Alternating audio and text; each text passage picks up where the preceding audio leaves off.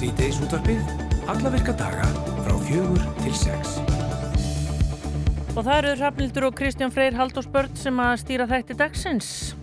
Jú, uh, nú í gær byrtist grein á vísi eftir Steinar B. Aðabjörnsson, næningafræðing og forvandaföldra hjá Krabbamæsfélaginu undir yfirskriftinni Ákall til matvælaframleganda og sölu og markasæðala matvæla. Þar fer Steinar yfir mikilvæg, mikilvæg þess að aðgengi að hotlum og næringaríkum mat sé gott og mikilvægt baróttu við betri líðhilsum. Krabbamæsfélagi stendur líka fyrir jólaleik þar sem fólk og fyrirtæki eru kvöttil þess að finna sniðuga útfæslu á því hvernig bera megi fram grænmeti og eða ávexti og ber á jólalegan og nýstarlegan hátt og gefa hugmyndafluginu lausan tauminn. Steinar hann kemur til okkar og eftir og segja ykkur betur frá þessu. Þó að sé ekki nákvæmlega vita hvernig fyrst að byrja að spila púk á Íslandi þá hefur það samt tvís að verið gefið út áður í formi borðspils. Og frímerkjumiðstöðun gaf út sína útgáfu árið 1977 og Gutenberg kom svo aftur með sína útgáfu 2004 og nú hefur þriðja útgáfan e, litið dagsins ljós og svo sem að stjórnar þarabæði heiti Berglind Siguradóttir. Hún er hún að vekja púk aftur til lífsins en hún kynntist í fyrir margt löngu og ætlar að koma til okkur eftir reyna að kenna okkur þetta spil. Hefur þú spilað þetta? Nei, ég bara hlaka til að kynast þessu betur. Já, en hún ætlar að segja okkur líka frá því að hún er í rauninni bara alveg uppi púk. Já, þetta er skemmtilegt. Já. Gott að fá þessa umræðu í púkið, sem að hengi. Jæja, en við ætlum líka að, að fá hana Lilju Sigurðardóttur til okkar en hún er bæjarlistamæður Kópáðsbæjar, þau eru í töfundur og eitt af hennar, já, sjálfskeipuðu embætisverkum er að bjóða upp á skemmtilega viðbröðaskrá sem að hverfist um, hverfist um glæpasöguna í öllum sínum liðbröðum. Og í kvöld þá sér hún um dulafulla spurningakettni sem kallast Krimma Quiz í Kópói og við fórhundistum þennan jólalega en spennandi viðbröð. Heiðmörk er vinsælt útvistarsvæði í útíðari Reykjavíkur en þar er að finna fjölbreytt landsla og skórækt sem að skórættafélag Reykjavíkur hefur haft veg og vand af og Orkuveitan er eigandi elliða vasslandsins sem næri við stóran hluta heiðmörkur og á jörðinni eru vasstökusvæði veitna sem er dóttufélag OR og eru mikilvæg auðlind og sér stórun hluta landsmanna fyrir fersku vatni. Nú berast frettir af því að Orkuveita Reykjavíkur fristi þess að fá átta sumarhúsa eigundur í heiðmörk til að flytja út úr bústöðun sínum sökur vassvendasjónameða og Eirikur Hjálmarsson, hann er sjálfbja bærnistjóri Orkuveitur Reykjavíkur. Hann ætlar að koma til okkur eftir og útskýra betur fyrir okkur hvað þarna er á ferðinni og hvers vegna þetta einhvern veginn er svona mikilvægt núna. Þetta Já. fólk flyti þarna úr, úr sínum húsum. Mjög áhugavert mál. En uh, Guðmundur Höskuldsson uh, er maður sem býr í, í Nýjaskvistað á Norrfyrði og fæst þar meðal annars við uh, hljóðfærasmíði og tónlistaútgáfu hann gaf út sína fyrstu soloplótu á dögunum undir listamanns heitinu Dundur en platan heiti Tilvera og hefur fengið príðistóma. Við ætlum að slá á þráðin austur og heyra aðeins að því hvað hann er að dunda núna í desember. Nei, já segi ég, ymmið það. Ætlum við ekki að En eins og alltaf þá ætlum við að byrja í Brussel og það er af því að við gerum það yfirleitt á miðvíkudugum og þar er okkar maður Björn Malmqvist, kontur sæl og blessaður. Nei. Eða jú. Nei, ég, ég var bara að sagði þetta hátt og snjált. Hvað segir okkur í dag, Björn? Komið sæl. Blessaður. Það er bara allt gott að frétta. Hérðan úr höfum við bjúrókratana í Belgíu. Það er, það er, það er snjóaði þessu um helgina en hérna núna er bara bullandi, ef að segja, hlínun í gangi. Er það ekki voða flott? Hérna 60 að hitti í dag og það verður sko 11 steg að hitti um helgina, krakkar. Já. Það fréttist einmitt af bara snjó, það voru bara samgöngur lágu niðri viða í, til dæmis í Þískaland og svona, náðu þetta eitthvað inn í, inn í Belgíu Nei. eða Brussel? Nei, alls ekki. Það snjóaði við sig hérna en það, svona, hann, hann, hérna, hann kvarf nú fljótt þessi snjór, þessi, þetta, þetta föl myndi ég nú kalla það sem, að, sem, að, sem að kom hérna lögadaginn og sundaginn. En það er rétt hjá að það var alltaf kafi í snjó í söður eða Þýskalands og ég er endar sko bara þekki fólkinn í Belgíu sem, að, sem að var í munn hérna um helgina og er bara ennþá fastar. Uh, þú veist, lestastöðunni var lokað, flugvöllinu var lokað, uh, þú veist, fólk á lestastöðunni í munn hérna, það fekk að sofa um borð, um borð í lestum að því að það komst ekki til burtu. Já. Þannig að þetta var bara stór mál og, og fullt af bílsleysum í kringum og, og það sem að var svona frostregn og, og mikil hálka og ég meina samfélagið er ennþá að, að sko jafna sig á þarna niður frá. Þannig að þetta var uh, svolítið alvarlegt ástand sem að kom hana um, um helgina og, og stendur að vissuleiti enn. Já, Já, hérna. það. Er svo mikið myrkur hérna í Reykjavík og hér, hér heima Suðurlandurinn allavega að það okkur vantar svolítið svol- svona eitthvað á snjónum allavega en Já, það, það það voru svo fréttir, fréttir að því Björn að, þegar novembermánuði væri sá heitasti frá mælingar hófust hér heima og, hérna, og fyrsta skiptið var það fullist að, að árið 2023 verður líka það hlýjasta heitasta, það er að segja, í, í mælingum. Já, hér, já, hér á landi. Þetta er þessi til tilfelli það, það í Brussel. Það er ágætt. Nei, já, ég er ekki viss en sömarið var mjög heitt hins vegar Já. og í september sko var einlega bara sko hýtabilga hérna. Ég var, kom frá Úkrænu í lok ágúst og var hérna fyrstu vikundin í september. Það var bara yfir 30 steg hitti hérna því ég kom heim sko. Og, og það var bara tildulega erfitt að vera hérna. Hér er náttúrulega enginn með sko með loftkælingu og, og, og hérna þannig að maður svona svitnaði svolítið vel hérna fram eftir, fram eftir hausti og hausti var mjög, mjög, hérna, mjög gott hérna. Svo er bara veturinn komin og belgisku vetur er bara svona, það er svona kannski nokkur steg hitti og rigning flesta daga, skíjað, svona suttalegu grámi. Ég hérna í húsinu þar sem ég bý í Belgíu, þar er í Brussel, þar er, er býr strákur frá Íran og hann er einmitt að kvart yfir sólarleysi og myrkri þessi dagana. Ég sagði hann um að koma aldrei til Íslands að vera til. En er En jólalegt? það er eins og, já það er alltaf jól, það er búið að spreita hérna á fullu, hér eru jólamarkaði byrjar, ég ætla kannski að vera á einum slíkum eftir viku með ykkur, en í dag er hins vegar sko, er, er sko, er sko dagur Sinterklaas, veitu þið hvað Sinterklaas er, krakkar? Næ, Býtu nú við. Sinterklaas er, er hérna, er sem sagt uh, það sem að kannski á ennsku heitir Santa Claus og á íslensku heitir Jólasveip. já, ég held að vera bara að lýsa sem sagt- ykkur píanó eða nei, synthesizer eða eitthvað. það hljómar, svo- það hljómar svolítið svo leiðis. Sinterklaas er þess að sko er í rauninni byggður á, eða fyrirmyndin af honum er, er, er dýrlingurinn Nikolas uh, sem var grísku biskup á uppi á hvað, þriðju öld eftir Krist. Og hann heitir semst á flæmsku Sinterklaas. Og þetta er dagurinn hans. Hann kemur uh, sem sagt venjulega í bæinn mm, 5. desember og gefur gjafir, við kannustu það, að fá gjafir í skóin sumir fá gjafir og aðrir fá ekki gjafir þeir kannski fá kartöflur, ég veit ekki með fá kartöflur? kartöflur hér, kannski fá þeir bara hérna, hvað heitir það hérna, Brussels sprouts hérna, Já, rós, rósakál. R- Rósakál. rósakál, kannski fá þeir rósakál í skáfi, ég veit það ekki. En, en sko Sinterklaas, hann er með svona stóra rauða bók sem að er búið að skrifa í sko hvort að börnin hafi hagað sér vel á undanförnum mánuðum, undanförnum ári og kannski, og svo fer hann eftir því og, og hérna, þannig að hann dreifir hér um gjöfum uh, uh, á, ríður um á, um á hvítum hesti uh, og hann er með aðstofamann sem að heitir Svartepjett eða Svartepjettur uh, sem er svona lítill uh, uh, aðstofamaður uh, svartur í framann klættur í svona búning sem að kannski minnir á, á svona einhverja skrautbúninga mára eða sem sagt fólks frá, frá, hérna norður, frá norður Afríku.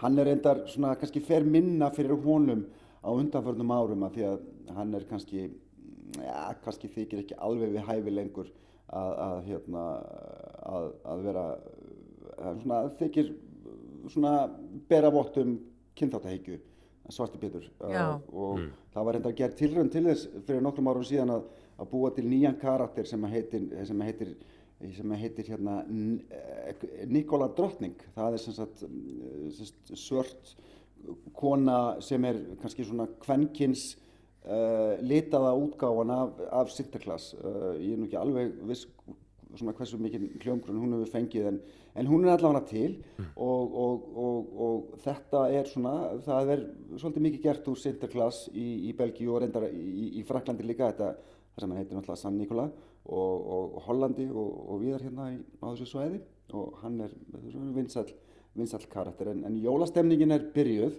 og ég skal segja ykkur það að ég fór á jólaskemtun í sko e- ekki ómerkari stofnun heldur en eftirlitstofnun fríverslunarsambands Evrópu á. Getið þið ímyndað ykkur það? Spennandi. Þar, þar, já, sko, spennandi. það, sko, þar voru lögfræðingar sem að leku við hvert sinn fingur og, og bjúrókratar sem að voru í bullandi jólastuði og maður skildi bara aldrei hafa trúað því að fólk af þessu kaliberi myndi sletta svona ærlegur klöfunum fyrir jólum. En þú veist, er það að trúa þessu? eða? Hlustum, hlustum bara á stemninguna, sko, það hefur verið aldrei... Þetta nefnilega, þessi skemmtun hafi reyndar ekkert með eftirlýstofnun eftir að gera, heldur, heldur var húsnæði bara fengið að láni uh, og hérna uh, fyrir, fyrir, jóla, fyrir árlega jólaskemmtun Íslandingafélagsins í Belgíu og hérna í, í Brussel og hann mættu hvað, örgulega 60-70 manns, álíka mörg börn og þetta var svona bara klassísk íslensk jólaskemtun og ég rétt náði skottið á, á forsetta, það sko, hún er, hún er forsett í félagsins, Íslandingafélagsins, hún heitir Margret Björnsdóttir, mætti þarna með sín tvö börn ef ég mann rétt og var að fullu að dansa og, og syngja og, og hérna skemta sér því ég náði örstötu talið af henni, skulum heyra hvað hún hafði að segja um þessa skemtun. Er íslenska nammið að trekja á jólaskemtun Íslandingafélagsins? Svo sannarlega. Þetta er svolítið eins og að bjóða upp á SS-pulsur á 17. júni. Þetta bara klikkar ekki. og hérna er barnaklúpurinn mættur? Já, svo sannarlega. Hérna eru bara öll íslensku börnin í íslensku nýlendinni í Brussel, myndi ég segja. Já. Hvað myndur þú skjóta að vera mörg hérna? Íslendingar í, í Brussel. Já, í, Sko barnaklúpurinn í Brussel. Batnaklúburinn í Brussel, hann er, hann er ansi fjölmunur af því það er alltaf ansi vel mætt í íslensku skólan sem er á sunnundum. En ég er svolítið léleg reyndar að segja til með tölur. Ég get það ekki sagt. Ég veit það ekki. 50 börn og svo leiðis. En ég meina stemningin hérna er bara nákvæmlega eins og á barnaskemtun heim á Íslandi, ekki sagt? Jú, þetta er, þetta er akkurat. Hérna, það er náttúrulega innfluttur íslenskur jólasveit. Það er öllu tjálta til hér í Íslandsfélaginu. Að sjálfsög. og íslensku jólalög sælgæti og íslenskar veitingar. Fólk er að koma með pönnukökur og kleinur og þetta er bara alveg svo á að vera. En sko, ég spyr bara, eru er börnir vöna að syngja jólasöngu á íslensku? Sko, íslensku skólinn hjálpar gríðarlega. Þar er verið að syngja og, og, og leika á íslensku og þeim vantar það rosa mikið af því þau eru öll í annarkort frönskum skólum eða flæmskum eða ennskumældu skólum. Já, þú ert í breskum skóla. Kantu, þessi, kantu jólalögin á íslensku? Já, Ok. Kanntu þú íslensku? kannski ekki öll. Fyrir fyrir fyrirgefið. En þetta er haldið á hverju ári. Þetta er haldið á hverju ári og þetta er okkar, einn af okkar vinsalustu viðbörum, myndi ég segja. Þetta á sjálfsögð þorrablóti líka sem að stendur svona upp úr.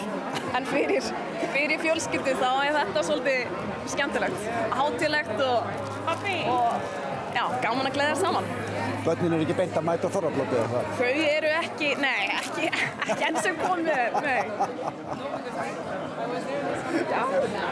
Góða skemmtun Margrét. Takk fyrir kjærlega. Já, einn af hápunktum Íslendingafélagsins í Brussel, það er jólaballið. Ég er ekki vissum að ég mæti með mikrofónin á þorrablótið hins vegar. Ég er ekki lofa því. En var Sinterklaas ekki hérna mættur?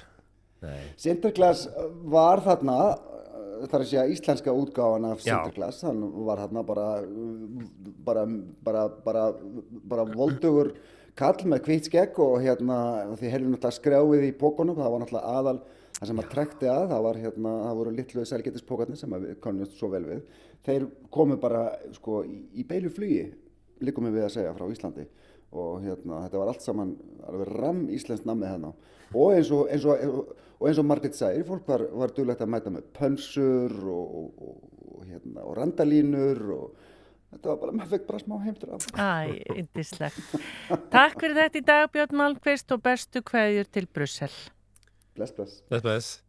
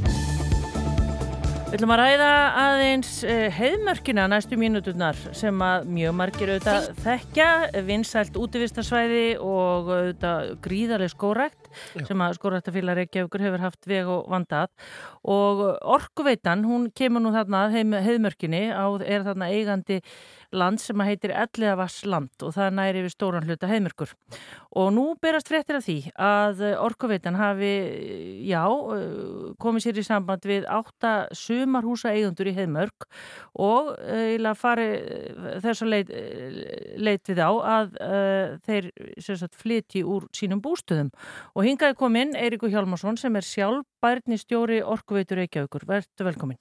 Takk fyrir. Ef við kannski bara aðeins að fá þið til að segja okkur aðeins af uh, heiðmörkinni með tilliti til vassins Mm. og þessa vendarsvæðis. Já, um, heiðmörkin sem sé um, eða gvendarbrunnarnir sem að uh, sjá nú glitta í húsið frá Suðurlandsveginum svona þar sem að gömlu borhólutnar eru þetta verður uh, vasstökusvæði bara strax á fyrsta ári vassveitu í Reykjavík 1909 og, og uh, gríðarlega svona vatnaskil kannski bara í sögu uh, bæjarins því að hérna voru brunnar þar sem að fólk var að sækja vatn og uh, kannski skamt frá brunnunum voru opinn holræsi. Þetta fór ekki vel saman dó úr tögaveiki og þannig að þetta var gríðarlegt svona heilsu farsmál bara í bænum að fara að sækja vatn þarna uppettir uh, síðan er það í kringum það þegar er farið að virkja elliðarnar að þá kaupir Reykjavíkubær elliða vasslandi til þess að eignast vassréttindin uh, þar í kring Mm. uh, borgin á núna ennþá Holm sem er næsti bær þarna við elliðavatn og síðan uh, er það um miðja síðustu öld að þá svona verður til segja heiðmörkin sem stík þá nær hún sunnar, nær inn í e, Kópavog og, og Garðabæ og, og Hafnafjörði, jafnvel, nei, kannski ekki. En, en, en þarna eru grunnvarströymar í raununum Bláfjöllin eru sko eitt úrkomi mesta svæði landsins. Og þarna sitra niður vatn. Þannig að engin á á þessu svæði þannig að vatnið er allt saman undir e, yfirborðinu síjast bara náttúrlega í raununum og bingo frá 1909 verið vassból reykvikinga og núna sér heiðmörkin meirinn helmingi þjóðarinnar fyrir neysluvatni. Uh, og það, ég menna, það er allt girt þarna í kringum þess að þetta verðmæta vassból en hvað hefur gerst núna í millitíðinni að svona umræðan um það að þeir sem að þarna eiga sumarhús Þurfa að víkja? Já, þurfa að víkja. Um, sko, það sem er afgirt uh, er uh, það sem er kölluð gr brunnsvæði. Mhm. Þar, þar sem að hólutnar sjálfar eru, þar sem að vatnið er uh, tekið upp. Og uh, vassvendin fyrir þetta svæði, hún er, er áratuga gömur, var síðast endur skoðu 2015 og þá tóku öll sveitafélagin á höfuborgsvæðinu sig saman og uh, voru að fara að gera svæðiskipulag fyrir höfuborgsvæði þar sem eru alls konar atrið eins og svona dröga borgarlínu og, og fleira. Og en byrjuðu á því að gera vassvendarskipulag sem að segja svolítið um verðmæta mat þessara sveitastjórna uh, frá Hafnafyrði og, og upp á um, upp á Kjallanes og upp í Mosó. Uh, við byrjum á vassvendinni því að það er það mikilvægasta. Síðan skulum við tekna restina skipulaginu í kringum það hvar við höfum eh, ný hverfi og eitthvað svo leiðis og um, en það er löngu fyrr sem að uh, sko vassvend var ákveðin á, á svæðinu. Og þessi gamla sumarhúsabegið sem að er frá fyrirluta síðustu aldar að hluta til og svona eitthvað svona uh, bæst við síðan og þetta endur nýjað og eitthvað svoleiðis. E, það er fyrir svona 20 árum sem að e, orkveitur Reykjavíkur verður það ljóst að byggðin þarna hún fer ekki saman við vassvendina Mm. e, ástandið á byggðinni var þá mjög mismunandi. Sum húsin voru í engu það var ekkert í engu viðhaldi sint, annars staðar var heilsás búsetta og búsettinu fylg, fylgir álag Mhm. á, á vassbólinn, það er umferð og, og fleira því um líkt. Og þá í raun og veru svona byrjar þessi leiðangur eða, eða að hvernig getum við lagt af byggð Já. frístundabyggð sem að þegar er komin. Og það er bóðni samningar og það samiði alla húsegendur þarna 2005 fimm ára aðlöguna tími til 2012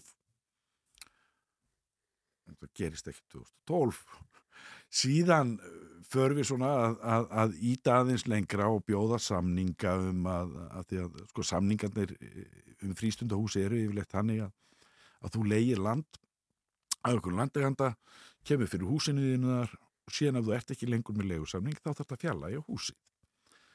Og uh, við sögðum við uh, húseigendurna þá heyrðu, við skulum fjalla þetta fyrir bara að leigutíma liðnum. Síðan við, buðum við öllum samninga líka.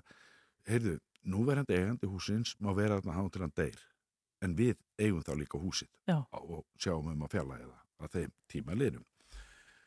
Og uh, þá er farið þá fara hérna uh, húseigendur að miskosti tveir í mál við okkur og, uh, uh, og niðurstaða í öðru málunni í hæstarétti og í hinnum málunni í landsrétti núna fyrir nokkrum árum er algjörlega skýr. Það er að segja lagalega staðan er alveg skýr. Réttur orkuveitunar til þess að láta fjarlæga þessi hús af sínu landi Mm. e, er algjörlega skýr.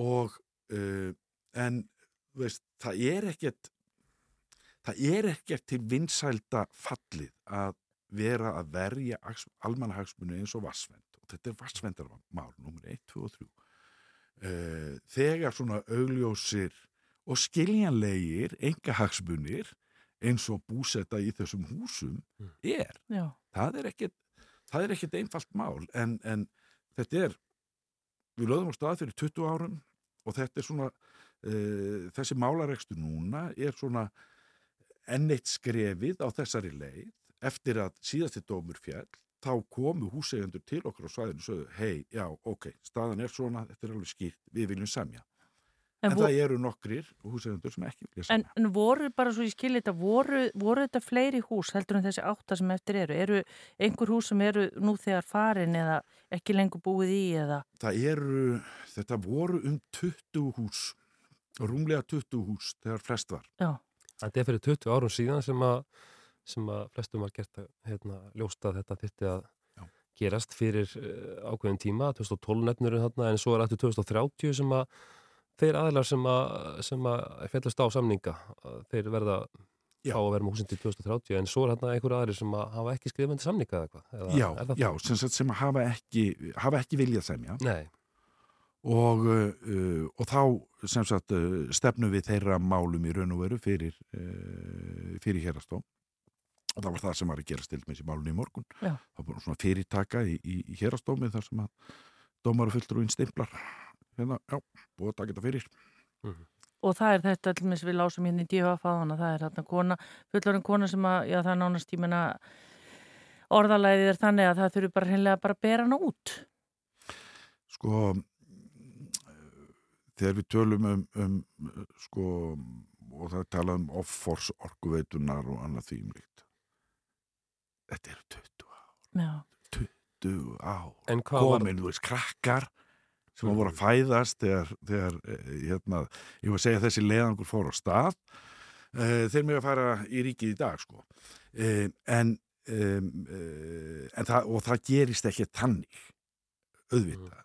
Það bara það, þessi lagalega staða hún þarf að greinlega vera uh, skýr í hverju og einu þessara dæma og það er það sem að við erum að fá algjörlega á hrein Já. í þessu dómsmáli. Eru þessi uh, hús, uh, elstu hús eru þarna frá upphafi 20. aldar eða eitthvað, 1900 og einhvað 8 eða Uh, hvað með þetta með menningaverðmæti eða þá hluti sem að Nákvæmlega, það er bara minjament, það er hlutverk hérna, minjastofnunar Já. Að, að hafa eftirlit með því og við höfum sendt minjastofnun erindi og satt bara Já. hérna, að- auðvitað höfum við auga á þessu og Mhm. það verður gerð þarna svona könnur eða skoðun mann ekki hvað þetta heitir uh, sem að borgarsóðsafni ætlar að sjá um fyrir okkur. Já.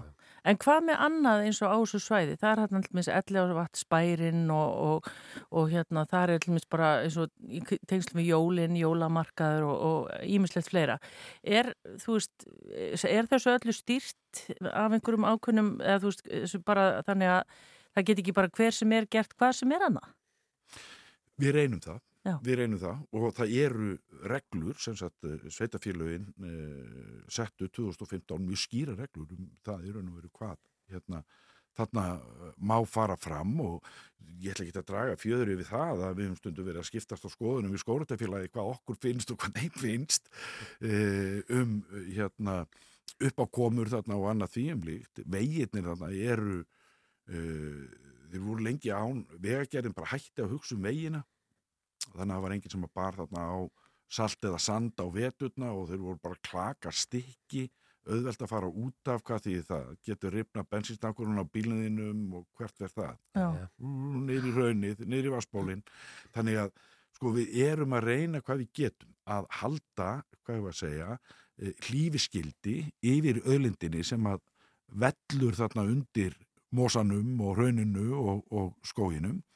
Um, það það verða slýst þarna, þau hafa orðið það hefur flug verið nöðurlend í heðmörkinni, skilur við, það eru Já. svona atvik sem eiga sér stað sem að gerur okkur bara virkilega tögavekluð sko, um að við séum hugsalega ekki að gera nóg, þetta eigi að vera strángara og svo leiðis, en það er þetta er það þarf að vega saman hagsmunni og uh, í þessu vassvendarmáli að þá eru ég, ég veit ekki um svona brýtni almanna hagsmunni en aðgangur meirinn helming stjóðarinnar að neistvann. Eirikur Hjálmarsson, sjálfbjarni, sjálf bærni stjóri Orkuveitur Reykjavíkur. Takk fyrir komina í síðan þessu þorfi. Kæra það ekki.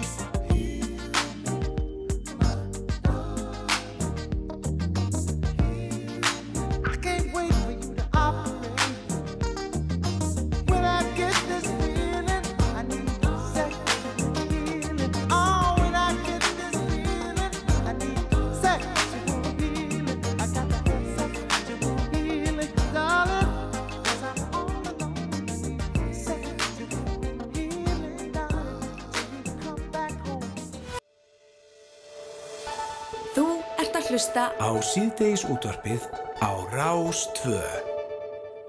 Jú, við erum hér í síðdeisútarpinu, Rafnildur og Kristján Freyr og erum komið góða gest. Þótt að segja ekki nákvæmlega að vita hvernig Púk var fyrst byrjað að spila á Íslandi, borspil, þá hefur það samt tvisar verið gefið út áður. Uh, Frímerkjamiðstöðin gaf út sína útgáfu árið 1977 og Gutenberg sína útgáfu 2004. Nú hefur Berglind Sigurdóttir uh, vakið spila aftur til lífsins og hún kynntist Púki fyrir margt löngu. Sælberglind og takk fyrir að koma til okkar. Eh, Sæl. þú kannski segir okkur aðeins til að byrja með bara frá tilur þess að þú restið þetta að, að gefa út þína útgáfi af, af púkinu. Já, þetta er, uh, ég kynnist þessu þegar ég kemur í tengda fjölskyldu mína uh, fyrir margt lengur síðan og, hérna, og þá var þetta spil sem ég eh, kann, kannast ekki við eða tekt ekki Mm. og um, þetta var, ég fannst þetta strax mjög skemmtilegt og, og hérna, og mikið fjör og mikið leið og, og hérna Og var þetta eitthvað sem hann spilaði á jólunum? Já, eða? þetta var spila aðalega, á jólunum Já, og þannig að þú reyfst strax af þessu. já, þetta er mjög skemmtileg spil þannig að ég fer auðvitað með þetta í mína móður fjölskyldu eða sem sagt til eh, hérna minnar fjölskyldu og, og þar er dúkurinn bara teknaður á smjörpapir eins og hann var hjá tengdamöfi Mm. og mömmu fannst þetta alveg ótækt og, og hérna ákvaða mála og tekna og sauma út dúk sem var með þessum hérna Reytum eða? spilaborði í raun og Mhm. veru Mm -hmm. og e, hún gerði tvo og gaf tengdamömmu annan þannig að og svo sem sagt heyrði ég af þessu að þetta hefði eitthvað tíma verið til og ég fór að leita og leita og þetta var hvergi til Hafði semst verið gefið út Já, áður? En bara uppselt? algjörlega ófáanlegt Já, já. Nú er það kannski að segja okkur frá því sem að þekkjum ekki nógu vel til. Upp, út af hvað gengur púkið? Þetta er alltaf peningaspil Já, og það er alltaf í svona spilum að reyna að klekja á ná, náunganum sko. Og e, Og spila peningar. sem sagt, spila peningar og, og, og, spila stokkur og, og hérna og þetta snýst um það að fyrst er, er sagt reytirnir klættir, fólk velur sér reyti Mm. og klæðir reytina með, með, vissum, sem sagt, með fimm spilapenningum og svo einum í púkið sem er reyt reyturinn mm. sem að hérna e, náttúrulega kemur að leggja í púkið það Já, er náttúrulega gamalt orðatiltæki og e, sagt, og þegar þú ert búin að klæða reytina að þá, er bara spi, þá þarf bara að byrja að spila þetta er svona í þrennulagi eiginlega fyrst spi- e, sem sagt er, er bara gefið eins og svona fimm spil og, og svo dreigið eitt spil og það er tromp já. og þá ef að þú átt þá reytir sem að sem sagt, áttaspil sem að reyturinn er fylltur með peningum á borðinu þá máttu taka þá peninga til þín já. og náttúrulega spenna í loftinu ef að, ef að það eru ekki allir peningandi teknir því að þá þarf að klæða aftur þá ekst alltaf potturinn á því spili sem ekki tekið af. Já, og hérna og svo er sem sagt uh, hérna er púkað og mm. ef þú heldur og eigir tvo stórar samstæður til þess að vinna púkið að þá leggur pening í púkið og þannig að í öðrum spilum þarna eru hérna fimmurnar hæðstar og þannig ef ykkur á tvær fimmur og þá þetta vinnur hann púkið Já. eða pottin Og hvað getur margir spilað? Herðu, það nú, sko, er sett tveir og upp í sjö, en þú veist, ef það eru fleiri, þá eru bara, þá eru, þá eru bara dreft peningum á fleiri reyti, eða semst fólk, fleira fólk sem dreifir á reytina peningum, þannig að það, það er í raun og veru, geta alveg 10-15 spilað. Já, og er þetta jæmt fyrir börn og fullotna eða kannski Já, ekki minnstu börn? ekki kannski minnstu Nei. en, og, en það var náttúrulega, ég man eftir því að voru, þau voru að læra að spila 6 og 7 ára og þá var fullorinn með og, og, og þeim fannst þetta rosa skemmtilegt. Já, og fyrst, og handira með pening og setja pening á reytina, það var mjög skemmtilegt. já, og heilmikil starfræði konjáta náttúrulega sem fylgir já, þessu. já, já, já, heldur betur, Já, heldur betur. En þú ert bara að gefa þetta út sjálfbarklind bara því þú hugsaðir að það verði bara allir að, læra púkið. Já, það vantaði bara þetta í lífið mitt og vantaði að, að það er mjög margir sem hafa talað við mig og sagt, já, ég man eftir þessu þegar ég var ung fólk á mínum aldri sem er komið, ko- hérna, uh, komið yfir sextugt að, að, að það er fólk sem er að segja já, ég man eftir þessu þetta var spilað á mínu heimili alltaf á jólum. Og miklu fleiri heldur en ég í raun og veru átti von á. Já, og, og svo náttúrulega þetta eh, spilapeningarnir voru alls konar. Það voru elspítur og flottkrónur og, og hérna og, og þosk eh, hérna, Mm. þoskbeinin hérna, já. sem að voru hérna notaðir og, og nokkri sem eru búin að tala um þoskkvarnir sem ég finnst mjög skemmtilegt Já, já. En börnin í, já, en spilapeningarnir hjá þér, þeir, Þeir eru nokkuð gulli, eða ekki? Þeir eru náttúrulega, já, þeir eru, þeir eru gulls ígildi Já. og þeir séu nú náttúrulega bara pappi Já, en, en harðpappi og, og, og, og skemmtilegir útliti, útlítandi með hérna pí sem getur bæðið þitt púkið eða peningur. Já, þannig að þetta er En Berglið, þegar ég ringdi sko í morgun þá veistu, ha, er ég að fara að koma í viðtal í beina útsettingu, þú ert að gera þetta í rauninni bara sjálf. Já, og ert bara, hérna, fólk þarf bara að setja sig í samband við þig eða á síðuna púk.is e, þannig að það, þetta er líka bara spennandi fyrir þig, tímabila að hérna, standa allt í einu í svona viðskiptum. Hver hefur trúið þig þegar þú spilaði púk í fyrsta skipti? Ekki ég allavega en, Þú er búin en, að koma sér í svona einmitt neytendamænar umbúður þannig að fólk þarf ekki að sækja í þosk kvarnir eða, eða Nei, slíkt. engar þosskvarnir í þessu, nei. Og en ábyggilega eru þar til einhver Já, staðar og, og, og margir hafa sagt, já ég á ennþá bunga af gömlum peningum Ja, flottkrónur og, og, hérna, og við notum alltaf elspýtur mm, og ég man líka eftir því að, að, að það voru notaðar elspýtur af því að það var náttúrulega keift hérna mikið af elspýtum byrðir af elspýtum fyrir jólinn til þess að eiga nú nóð að kveikja öllum kertunum sem að Já, einmitt. voru kveikt á. Akkurat. Þannig að- og margt hefur breyst sko í árunar ás en við erum ennþá að spila um jól. Já, við erum að gera það. Já, Hefur þetta verið lengi ómissandi þáttur í jólahaldi hjá þér að spila púk? um, kannski ekki alveg síðustu árin Nei, en, en þangandi núna? Já, alveg örglega sko og, og náttúrulega eftir að eftir að hérna mamma leit mig hafa dúkinn til geimslu að, að eftir að, að hérna er mér meðan hjá mér að þá hefur við aðeins spilað mm. með hann Já. þannig að Og þú ert alveg á því, Berlinda, þó þú hafið hérna, náða að kenna okkur smá, okkur Kristjóni, að þá séu við þannig sjálf bara þegar við kaupum spilið þá getum við alveg lært þetta sjálf. já, þetta, þetta er náttúrulega bara eins og þegar þú kaupir eitthvað nýjan hlut og þarft að lesa manjúalinn Já, ég er því miður eina þeim sem að hef stundum sleppti að lesa manjúalinn en, en það er fínt bara að lesa leiðbynningarnar þá ætti þetta að ganga. En það má líka alltaf ringi mig. Já, já, eins og við ef fyrir dag. Já, En mér langar líka til þess að þakka hönnuðunum fyrir og Magnúsi Vali, Já, alveg sérstaklega fyrir þetta fallega útlitt Mhm. og, og hérna bara frábært að, að vera í samstarfi með, með svoleiðis Mhm. flinku fólki. við segjum bara til hamingi með þetta, Berglind. Takk fyrir það. Bara púku við öll jólin Já, takk fyrir komuna í sítiðs útopið. Takk. Takk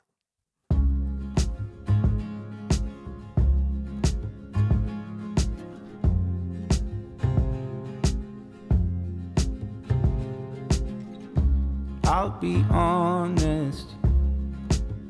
I'll be honest for you. Yeah, yeah. Yeah. And if we're talking, I'm gonna tell you the truth. Yeah. You and me made a lover of an enemy.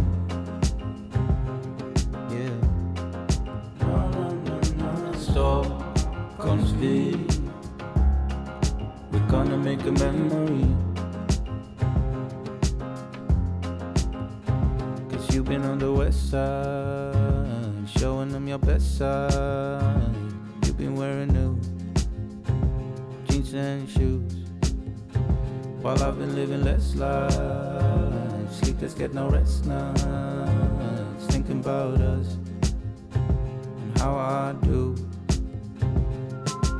You and me made a lover of an enemy.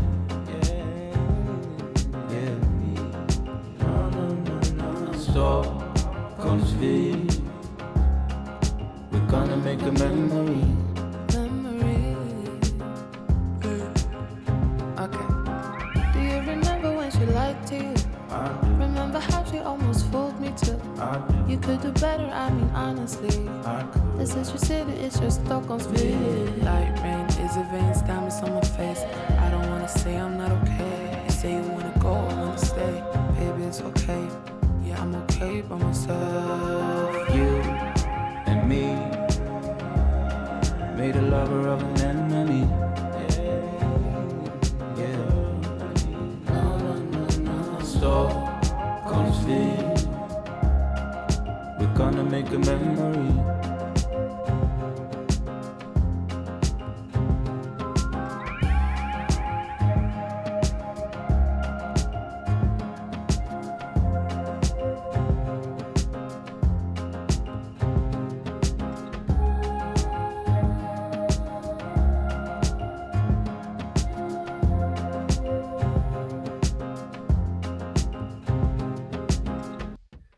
Þetta er þið stór vinsara lag Stockholm Sví Hannes og, og hvað heitir, hann, heitir hún aftur? Water, Water Baby, já, getur það verið? Water Baby, akkurat. Þau eru frábær. Já, heyrðu, það koma tilkynningar og fréttir og svo er það glæpasögur. Meira gaman framöndan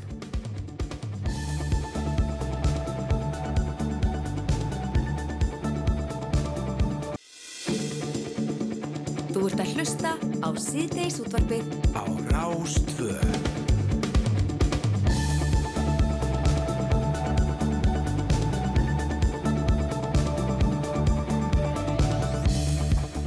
Sýtis útarbyrðið helstar á ný eftir, eftir fimm fréttir. Við erum hér Kristján Freyr og Hrafnildur og það eru nokkuð luti framöndan sem eru skemmtilegar, viðræður, umræður. Já, Ég- við ætlum að ringja í tónlistamann sem býr fyrir austan, er Já, það ekki? Algjörlega, Guðmund Höskuldsson. Já. Svo ætlum við líka að, hvað ætlum við aftur? Jú, Við ætlum að tala eins um þræðinum. svona vöru úrvalið í búðum með tilliti til hotlustu Já. og uh, svona, já, hollra næringar. Var Steinar Aðabjörnsson til Já, okkar. einmitt það. Já. En hingað er komin rítuvendur. Þeir eru alltaf að fara mikinn í þessu mánuði og, og alls konar upplestrar og ímislegt skemmtilegt í gangi.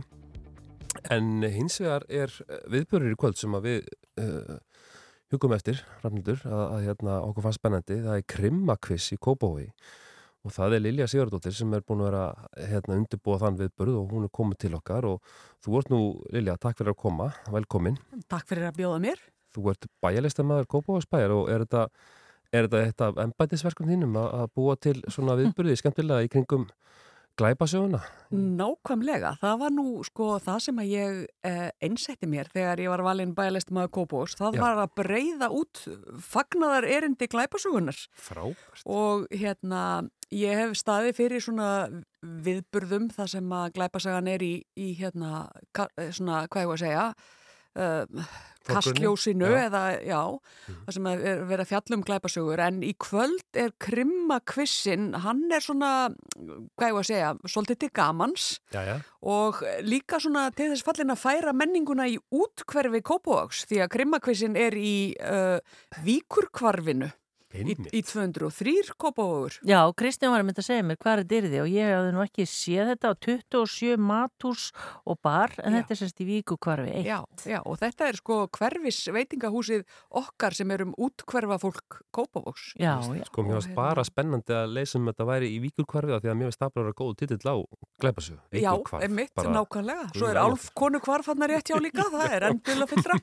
En hérna, já, nei, við, við hérna byrjum klukkan 8 stundvíslega í kvöld og það Já. verður skipt niður í lið og ég, hérna, og spurt út úr glæpasögum íslenskum erlendum. Þetta er nú léttur quiz, þetta er svona meira til gaman skert, svona Mhm. fyrir stemninguna. Og eru ákveðna bækur undir eða þá maður bara, eða, hvernig Já, getur maður sko, undirbúið sig eitthvað? Já, sko, ég spyr aðeins, um- svona, það eru nokkra létta spurningar um klassískar glæpasögur, erlendar, svo eru spurningar um íslenskar glæpasögur og höfunda og svo þarf fólk að þekkja bókakápur sem að búið er að má allt letur af og svona fleira ímislegt skemmtilegt. og hérna, og ég fæ sko, það er hérna, koma með mér nokkrir höfundar sem ætla að vera uh, hérna, liðunum eða fólki sem þessu keppir til halds og trösts og það eru sem sagt Ævar Örn Jósefsson, Solveig Mm. Pálsdóttir uh, Eva Björg Erlendsdóttir og Skúli Sigursson já, já. og, og þau allt- hérna glæpa satna höfundar? Já, já, þetta er þöllreint fólk sko og, og getur hérna stappa stálinu í þá sem að er að keppa í kvissinum. Já. Skemmtilegt. En bara aðeins sko, Lilja, maður svona hefur á tilfinningunni að þið sem eru að skrifa glæpasögur, Já. þið eru svona svolítið vinir, þið eru alltaf að gera eitthvað skemmtilegt saman. Já, við erum bara svo skemmtileg.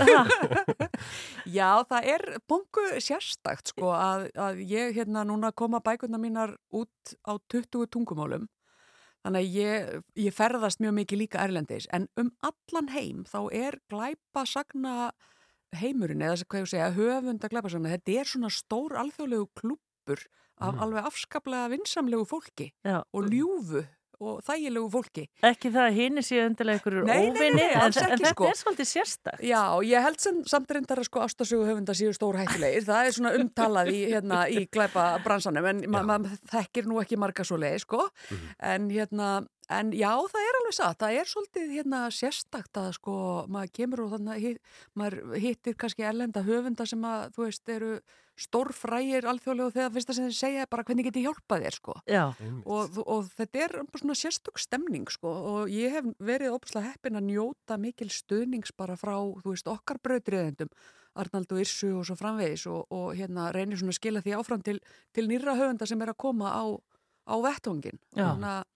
og það er alltaf æla gaman þegar við hittumst Ekki svona, þannig að þá þú veist kannski smá samkeppni og þá er maður að samgleðjast einhvern veginn. Já, og það er líka bara þannig að sko samkefni, jú það auðvitað samkefni um aðtiklina svolítið í jólabókaflóðinu sko, en málið er að við erum í raun og vera ekki samkefni hvert við annað vegna þess að glæpa sögu lesendur, þeir lesa ekki eina bóka ári. Mhm. Þeir lesa þar bara allar. Já, já. Svo ekki sem Það minnst á árangur einhver nær árangri Irsa, Ragnar eða fleiri, Já, þá, þá já. kannski bara hjálpar það öllum hinnum.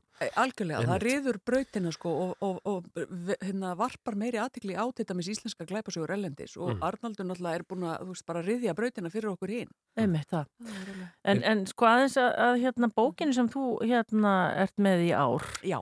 Uh, hún er gefin út og ke skrifuð áður en að jarðfræringarnar virkilega tóku hérna Já. til sín þarna í Grindavík. En hún heitir hvað? Dauða djúb sprunga. Já, akkurat.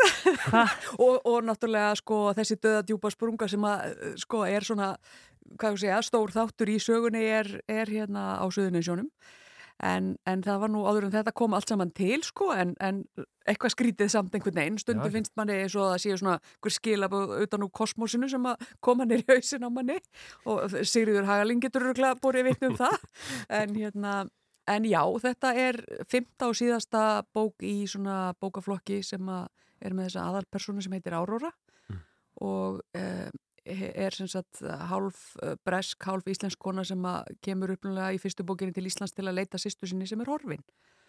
Og, og sem hverfur sem sagt hér á Íslandi og, og það ég nota svona sem innblástur eins og margir glæpasagna höfundar íslenskir uh, þessa horfinamanna skrá okkar eða, eða þessi mannskörf sem verða á Íslandi. Því að við erum auðvitað ekki með hérna, mörg manndráp sem betur fer en, en það er svolítið fólkin sem hverfur á Íslandi og, og maður getur spurt sig hvað hva verður um þetta fólk Já, Já. einmitt. Spennandi. Finnst þér ekki mikil gróska bara reynilega í, í glæpa sann skrifum hér heima? Jú, það, það er það sko og, og það, ég held að sé sko við erum ennþá uh, svona vaksandi og okkur fer fjölgandi og, og sumum reynilega blöskrar þetta en bara málið er að við erum svo mikið á eftir. Mhm. Við, þetta er svo stutt síðan þessi bókmyndagrein bara hreinlega byrjaði á Íslandi. Já. Við erum alveg hundra árum á eftir sko þannig að þú veist það að séu kannski 20 glæpasögur að koma út fyrir jólin er í raun og vera ekkert rosalegt með að við að þetta er vinsælasta lesefni bara Einmitt. Vesturlanda sko Mhm. Já. og, og tvímálulöst á Íslandi. Og öruglega búið að fjölga lesendu bóka alveg gríðarlega, bara á þessum tíma, á þessum 20 árum eða svo. Algjörlega. Hvað bara, við höfum bara fengið fleiri lesendur, bara Heldur að bókum. betur. Já, e, algjörlega og, þa og það er náttúrulega bara svona í ljósi písakonunnar og ljósi alls sko að Mhm. þá er bara held ég allt sem hvetur fólk til þess að lesa og ef við ætlum að halda þessu tungumáli hvetur fólk til þess að lesa á íslensku Mhm. þá þarf náttúrulega að þurfa að koma út bækur á íslensku sem að fólk vil lesa Já, einmitt. og því að þetta er náttúrulega sko auðvitað með alþjóðlegu samhengi og allt þetta, það er svo auðvelt að kaupa sér mjög ódýra bækur frá útlöndum og mjög margt ungt fólk sem ég þekki les eiginlega bara á ennsku. Já, Mm. Þannig að, þú veist, það er hérna, við þurfum að standa okkur betur í að framleiða mikið af bókum á íslensku. Já, en talandum um það, íslenskuna, þú veist að segja þann, það eru þína bækur eru þýttar hvað, á 20 tungumál. Já. Þetta er rosalt, þannig ertu bara á ferð og flugi allt árið. Já, sko, ég er mjög mikið í kynningaferðum en núna hef ég reyndað hérna, reyna að skipta árinu bara upp í svona tímabil hjá mér. Þannig að ég er sem sagt nýkomin úr, úr hérna, þessari lotu, sko, búin að vera í mörgum löndum í hausta að kynna og heimsækja hátíðir og alls konar. Og, og svo ætla ég bara að skrifa í janúar, februar, mars. Þannig að, En hvað ert að gera? Þú fer svona hátíð, segðu okkur, ég menna, ert að Sko- hitta lesenduna þína? Já, það er nefnilega það sem er skemmtilegt. Þetta er oftast þannig að annarkort eru útgefendurnir að sko, fá mann til þess að koma og gera eitthvað ákveðið. Uh, ég fór á, á hérna, bókamessuna í, í Helsingi, ég fór á Sænska Dekkarfestivalin sem er hérna, glæpasagnahátíð í Svíþjóð. Svo uh, var ég á þessari Boreal-hátíð í Fraklandi uh, núna síðast sem að er Norræn menningarhátíð í Normandi og já, þetta er, þetta er alls konar svona og maður fer, og er, þetta er yfirleitt fer maður og er í annarkvort í viðtali á sviði eða pallborði um einhver ákveð málefni, Mhm. varðandi bækur eða glæpasögur eða íslenska bókmyndir og svo, og svo er þetta áritannir og maður er að hitta leysendur og það er rosa skemmtilegt sko. Ég er alltaf mjög vola glöð því ég er komin á staðin og fer að hitta fólkið. Mm. Það er hérna Og hvað gaman. finnst því æsi spennandi við Ísland? Sko, það, það er svo margt. Það er einhvern veginn, finnst fólki við ósalega exotí, sko. Það er náttúrulega aðalega íslenska náttúran. Já. En svo náttúrulega er auðvitað það fólk sem ég er að hitta þannig innrétt að það er rosa spennt fyrir líka, sko, drunganum og einhvern veginn glæpa sögunum, sko. Og, og þetta vinnur hvað með öðru. Ísland er vinsælt sem túristastaður og þar alveg vill fólk lesa bækurnar hérðan og svo er af fólki sem kemur til Íslands af því að hefur lesið íslenska bækur. Þannig að hérna, þetta er svolítið... Heimsækja sögustæði. Já, já, já. Einmitt. En uh, þið, við náttúrulega getum votta það við rannendur að þið eru bara frekar vinnalegt fólk sem að skrifa klæpa sögur. Já, takk fyrir það. En hérna, Segir hún og dregur upp töskunni. en hérna, og já, eigið allt sammeilegt að, að hérna, að myrða mögulega fólk bara í bókum sem Já, betur fyrr. já. En í kvöld, þetta verður ansið spennandi. Þetta verður spennandi og það verður keppni í kvöld, það verður- sko, já. grimmakvissinum. Það þarf að ýmis skrá illa sig augu. eða getur maður bara mætt? Nei, fólk mæti bara, koma bara klukkan átta í vikur hvar veitt. Sem allir vita hvað það er. Já, já, Já, já. 27 matus og bar slá þetta bara inn í Google Maps og, og hérna Einmitt. koma og það eru þarna drikkir og einhverja tapas og leta veitingar sem Mhm. fólk getur keft sér á barnum og þetta er svona pub quiz stemning. Það er bara nokkri saman á borði sem að giska saman og, Já. og, og þetta verður skemmtilegt. Er Bæjarlistamæðurinn. Já, og hennar embættisverk og, og það er margt kannski framönda líka sem ætlar að gera á, á, á árinu sem, að, Já, sem ég er að er, því að, að Já. vika út glæpasöguna og í akkurat. einmitt. Ég er búin að vera með einn jólabókaflóðsviðburð, einn Mhm. svona hinsegin glæpasögu viðburð, svo er ég búin, svo ætla ég að vera með pólskan glæpasögu viðburð og síðan eh, verður, hérna, ætla ég að vera með lítið námskeið, svona bara Já. hálfstags námskeið fyrir þá sem að langa til að prófa að skrifa glæpasögu? Þetta er Já. spennandi. Wow. Já, Margt framöndan. Já, margt En Krimakviss, takk fyrir að koma Lilja Sigurðardóttir og gangið vel með bókina og, og kvissið. bestu þakkir. Takk. Your mouth floats above my bed at night. My own, a private moon. Just because the mind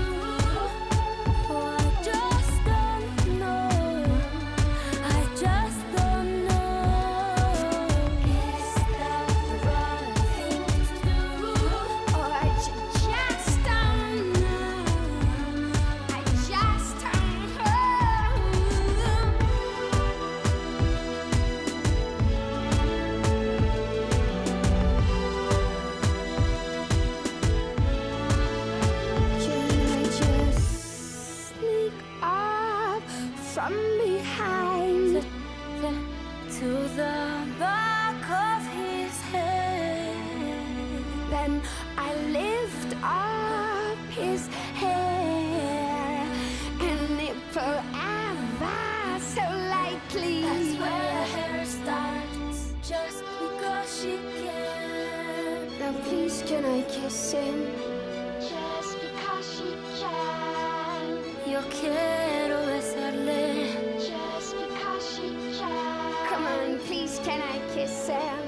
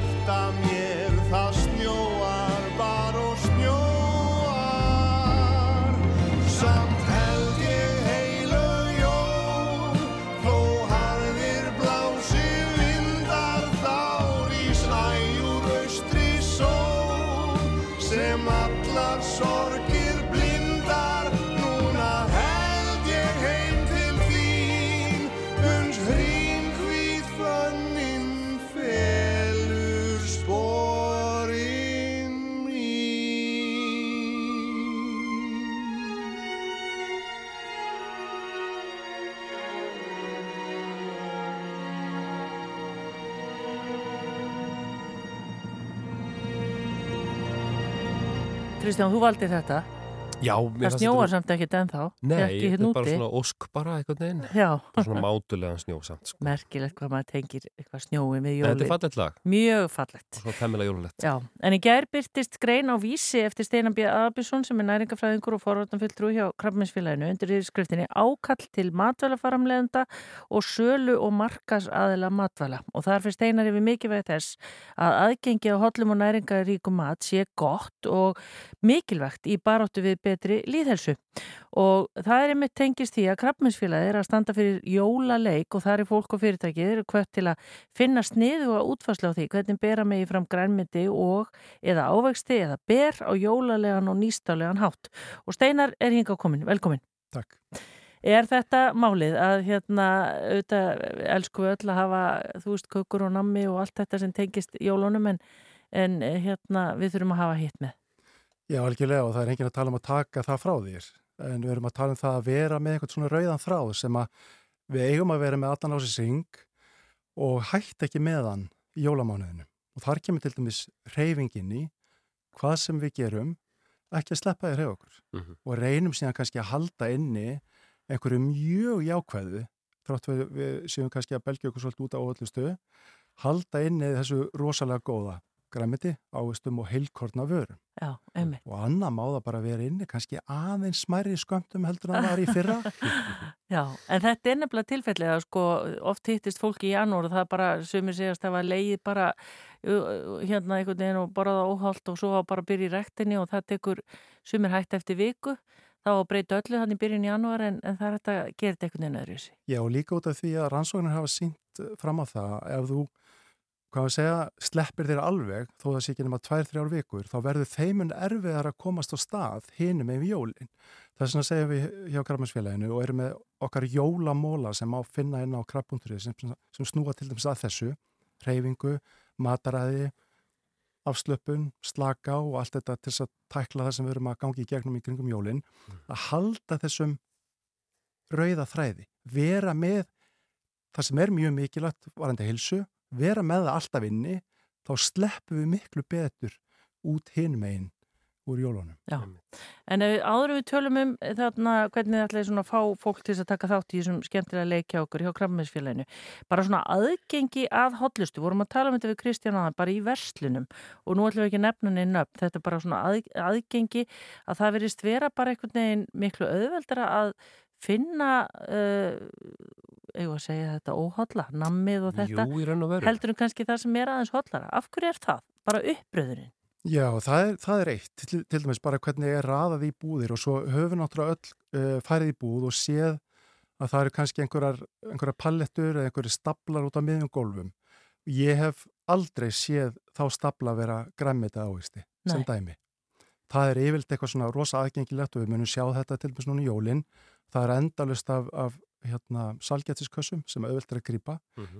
og ég gerir mig alveg grein fyrir því við ætlum að borða svo litið að salgæti Já. um jólinn en þarf þetta að vera alltaf í andlitinu á okkur, það er máli Já. og þess vegna En veist þú ástæðina? Ég meina, e, nú svo leiðilt að nota orðið græða, en ég meina hvað, þú veist, af hverju er þessu stýrt svona?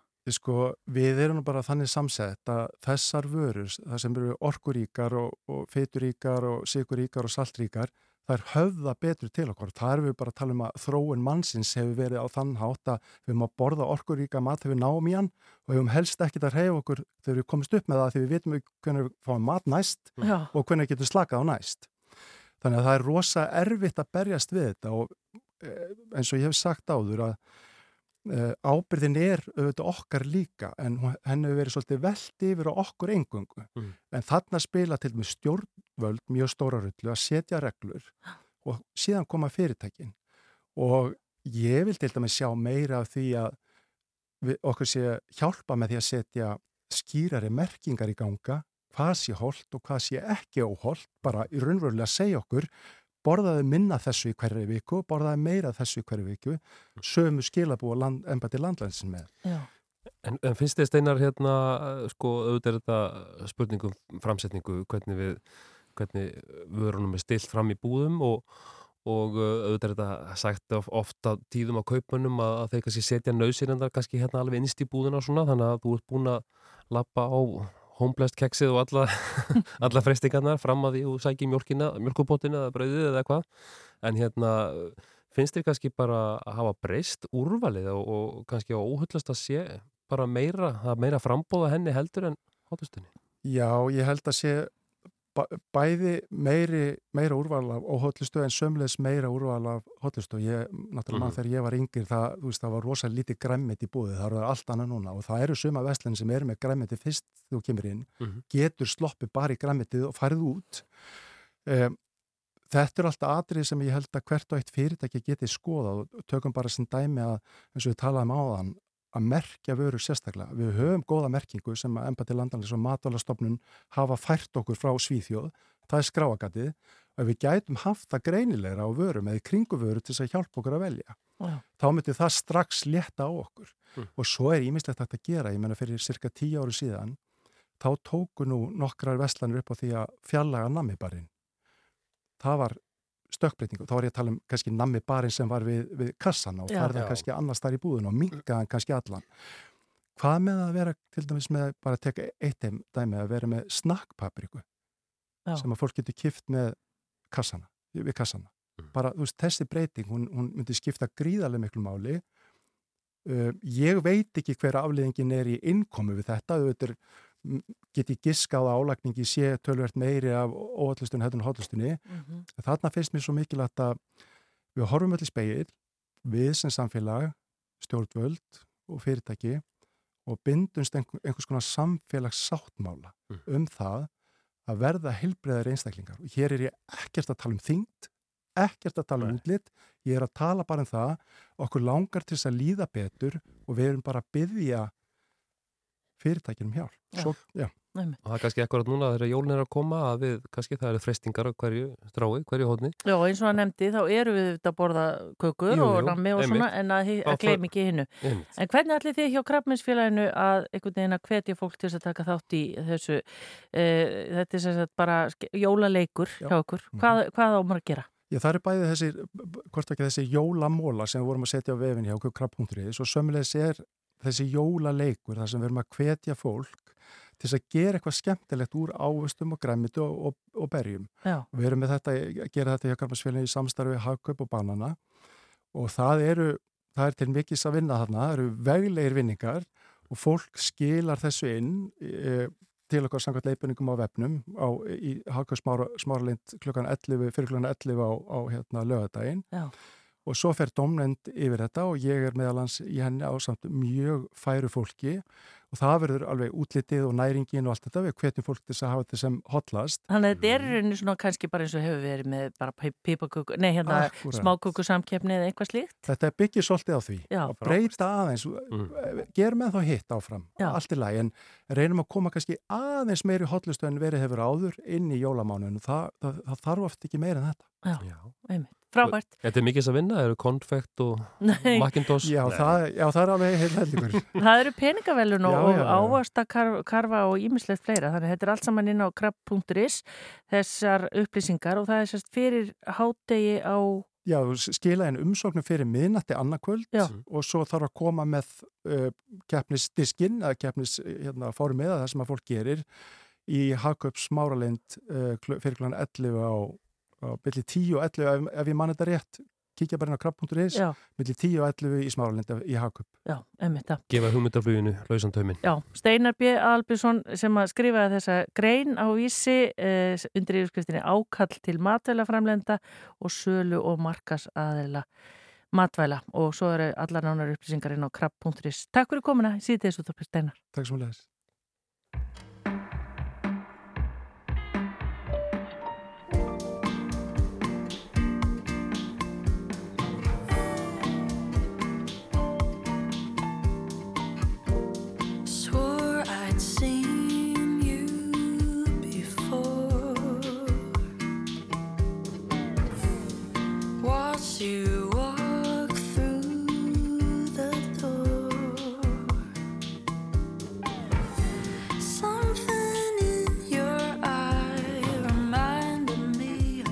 some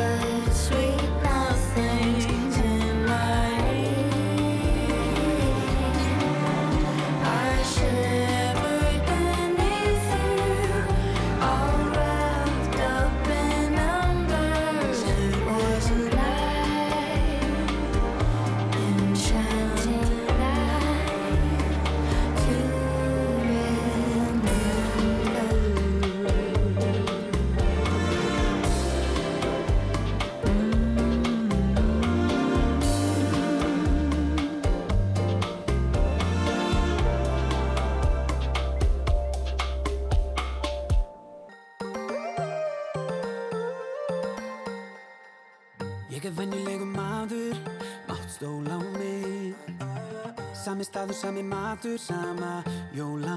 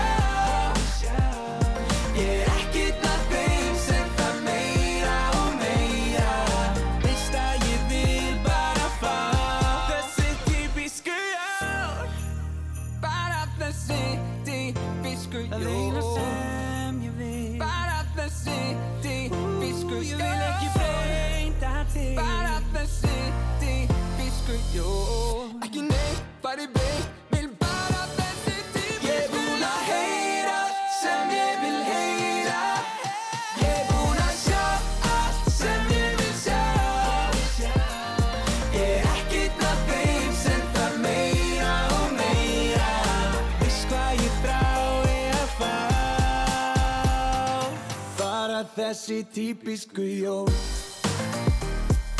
Yeah, yeah, yeah, yeah. Bara þessi típisku jól. Bara þessi típisku jól. Bara þessi típisku jól. Típisku jól, þetta er hljónstinn Ice Guys. Já, strákabandið, Ice Guys. Uh, við ætlum að líka að fjallum annað strákaband. Já, svo sem ekki. Ég ætla hann bara að reyna að nota þessa brú. Einsmanns, einsmanns strákaband.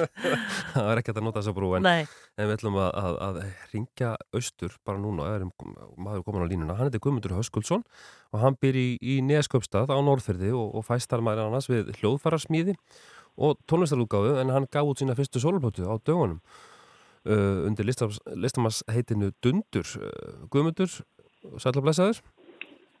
Já, komið í sæl og blessuð. Þú hérna uh, gafst út plötu á dögunum sem heitir Tilvera og, og kallar þið Dundur. Hvað kom til að þú reyðist í þetta verkefni að, að gefa út nýja plötu svona fyrir jólinn? Það var nú bara þannig að ég hef verið að spila með sömu, sömu félugum mínum hérna í Neskústað núna í, í ábyggilegin 15 ár, þanga til í fyrra Mhm. Og uh, þá lög okkar samstarfi og ég fór svona að hugsa bara um hvað, hvað mér langaði til þess að gera og mér langaði bara til þess að gera plötu. Já. og fór bara í það, settist niður og samti og gekk mjög hratt fyrir sig að semja lög á plötuna og samti miklu meiri ég þurfti. Svo þegar ég fór að sína félugum mínum þetta þá hérna völdu saman lög sem voru öll svona bara svona lágstemt Einmitt. þannig að þetta var eiginlega bara borlegjandi Akkurat. Og þetta er sem sagt hvað kallast á íslensku instrumental uh, tónlist, það er sem sagt ekki sungi, já, án söngs. Nei, þetta, þetta átti að vera sungin plata en, en þegar að ég var búin að semja lögin og hlusta á þau þá var ég bara alveg orðlaus Einmitt. Hvað þetta var flott. og bara, já, án orða. Nei, nei, ég, hafði, ég, hafði, ég þurfti bara ekki að segja neitt meira heldur en bara, bara, bara músikin fannst mér bara að tala bara, bara sínu máli sko. Já. Já, sem þú gerir, þú prýðir að platta og til lukku með hana. Uh, og takk þannig. Þannig er engir aukvissar með þér. Þú talar um að þú hafi verið með félaga sem er búin að spila lengi en, en þannig ertu búin að kalla til einhverja sem að við kannski þekkjum annar staða frá. Já, ég, það var náttúrulega hérna, fyrst að byrja að nafna hérna nágrannar minn og spilafélag til margar ára hérna Hafstein Má Þórðarsson sem býr hérna í göttunni hjá mér og ég byrjaði að ná að kalla hann og lefa honum að heyra þetta. Síðan kallum við á Birgir Baldursson, uh, trommuleikara sem hefur víða komið við og hann er fluttur hérna austur og býr í þessu sama samfélagi og við og hann búið öðrum fyrir því en ég fór og skjallaði við hann og lefi honum að heyra þetta og honum list strax svona ljómandi vel á þetta og, og hérna var tilbúin að taka fullan þátt í þessu.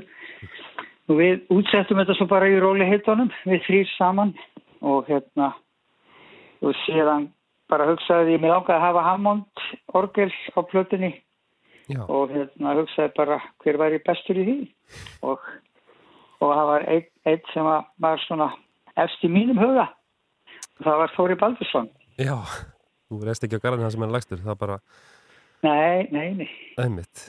En, en segðu okkur aðeins af sko, tónlistarlífinu þarna í Neskustad, er, er það blómlegt?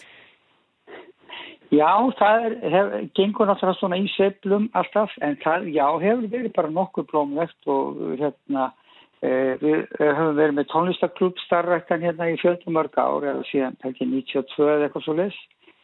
Og hérna, hann er núna, var að fá til afnóta nýtt húsnæð og er að gera það upp, þannig að, það, þannig að það verður svona mjög gott til þess að hlúa svona æskulustarfinu í tónlistinni. En það eru nokkur svona, svona ungliðabönd sem eru að koma upp núna og sum hver er mjög efnilegt þannig að maður er mjög spenntur fyrir framtíðinni Já. tónlist hérna. Og svona vettvangur til að koma og spila og svona, eru þið með fína tónleikastaði til dæmis? Við erum eigin náttúrulega hérna, eiginsbúð sem er náttúrulega mjög, mjög flottur staðin. Hann er svolítið stór fyrir svona minni tónleika en við þess að uh, Brján uh, eða klúburinn, okkar tónlistaklúburinn, hann er að, er að innrétta uh, nýtt, nýtt húsnæði sem er, sem er mjög hendur fyrir svona minni tónleika og uh, hann verður vonandi tilbúin fyrir næsta sumar. Mitt. Já. En hvernig með, uh, já, það er blómlegt tónlistarlíf og já, það er náttúrulega er hérna, hefur verið þungrósháttið í neskustad síðustu árin og svona og auðvitað neista flög alltaf. Hvernig er með aðstöðu til þess að, að taka upp tónlist og svoleiðis? Ég það er náttúrulega eins, eins og þetta hefur, hefur þróað síðust árið þá eru menn voru mikið að, að, að taka bara upp uh, hver og einn heima hjá sér en við búum svo vel hérna hins vegar fyrir austan að það er frábært uh, hljómstúdíó á stöðafyrir sem heitir Studio Silo það, það var byggt upp og opnað fyrir nokkrum árum síðan, alltaf ekki verið 2018 eða 19 sem var byrjað að taka upp þar. Og það er bara mjög fullkomið stúdíu á, á heimsmæli kvarf og býður bæði upp á, á analógu upptökur eins og digital upptökur sem mest eru notaður náttúrulega í dag. Og mjög mikið til af, af græjum þar og, og vel, vel hérna, búið og fallegt stúdíu með, með einstaklega þægilugum upptökumanni Já, þetta hann náttúrulega... heitir, heitir, Já, segðu heitir hvað heitir. Vincent, vin, hann heitir Vincent Wood og er alveg sérlega þægilegur að vinna með. Já, einmitt. Uh, áður en við heyrum lagið af plötuninni, það er að segja lag af plötuninni Guðmundur Höskuldsson uh, hvernig er nú uh, staðan hjá okkur þetta fyrir austan, er orðið jólalegt? Já, já, það er snjóþekja hérna yfir öllu og búið að vera mjög stilt og kallt. Það er svona eitthvað, eitthvað aðeins að mildast frostið, þannig að það er ekki marga gráður akkurat í dag. En það hefur verið bjart yfir, það er svona eitt og eitt ég sem hefur verið að detta hérna inn á Norrfjöðin. Ég var á Faskulsfjörði í dag og gerði, gerði hérna norður eftir og það var, hafði kurki snjóað í dag nema bara hér, sko. Mhm. En Já. mjög fallegt og mik- mikið komið upp á jóluljósum. Eindislegt. Ætlaði að fylgja blötin eftir, þú varst með tónleika, útgáð tónleikani í sjálfsögðu en ætlaði að spila eitthvað, en eitthvað framundan? Ég, ég hef búin að sækja um á, á, á, á svona tónlistarháttíðum að, koma fram. Og það er, eh, ég er búin að bóka eitt gig en það verður vissu ekki fyrir enn í, í mars. En eh, við sjáum til, þetta er, þetta er svona svolítið erfiðar að því við búum svona sikkur megin á landinu. Já. Þórir er þarna í bænum og við erum hérna fyrir austan. En, en vonandi já, ég vona, vona svo sannarlega að ég, hérna, við náum að, að spila þetta nokkur sinnum En platan heitir Tilvera förum- Já. Já, og þú kallar þig þetta dundur, hvernig myndur þú lýsa tónlistinni að við fáum að heyra eitt lag fræ? Þetta er svona róleg, Ég, eftir kannski orðlaus. það, það, ég skal reyna lýsinni sko, ég hérna markmiði var með plötunni að búa til plötu sem að væri þægilegt að hafa í bakgrunni eða þú ert að læra eða einbytara einhverju, einhverju en, en væri hins vegar nógu aðtiklisverð þannig að þú gæti bara sest niður og hort út um gluggan og bara sónað út Einmitt. og hérna og hún er sem sagt hægt að nota hana í, í, í þessum tilfellum til dæmis Akkur. og alls náttúrulega mörgum öðrum Dundur í, í desember, þetta er mjög viðeigandi. Hmm. Takk Guðmundur kærlega fyrir, fyrir spjallið. Við ætlum að spila lagið fræ af, af plötunni Tilveru og við Mér bara... langar að segja, segja kannski, kannski að segja eitt í sambandi við það því að ég ætla að spila lagi fræ Já, að þetta er eina lagi sem ég spila ekki gítarsólu í, í laginu en þetta er hérna þá 16 ára svo, hérna barnabarn mitt Kormakur Valdimonsson sem að spilar gítarsólu í þessu lagi herri, það er bara frábær bónus. Hmm. yes. Kæra þakki verið. Guðmundur og bestu kveður Já, takk, að ykkur Takk, takk. Takk, takk kærlega fyrir Já, Bless, bless. Já, eigum þú ekki bara að heyra þetta lag hérna? Endilega. Þetta er lag sem heitir Fræ.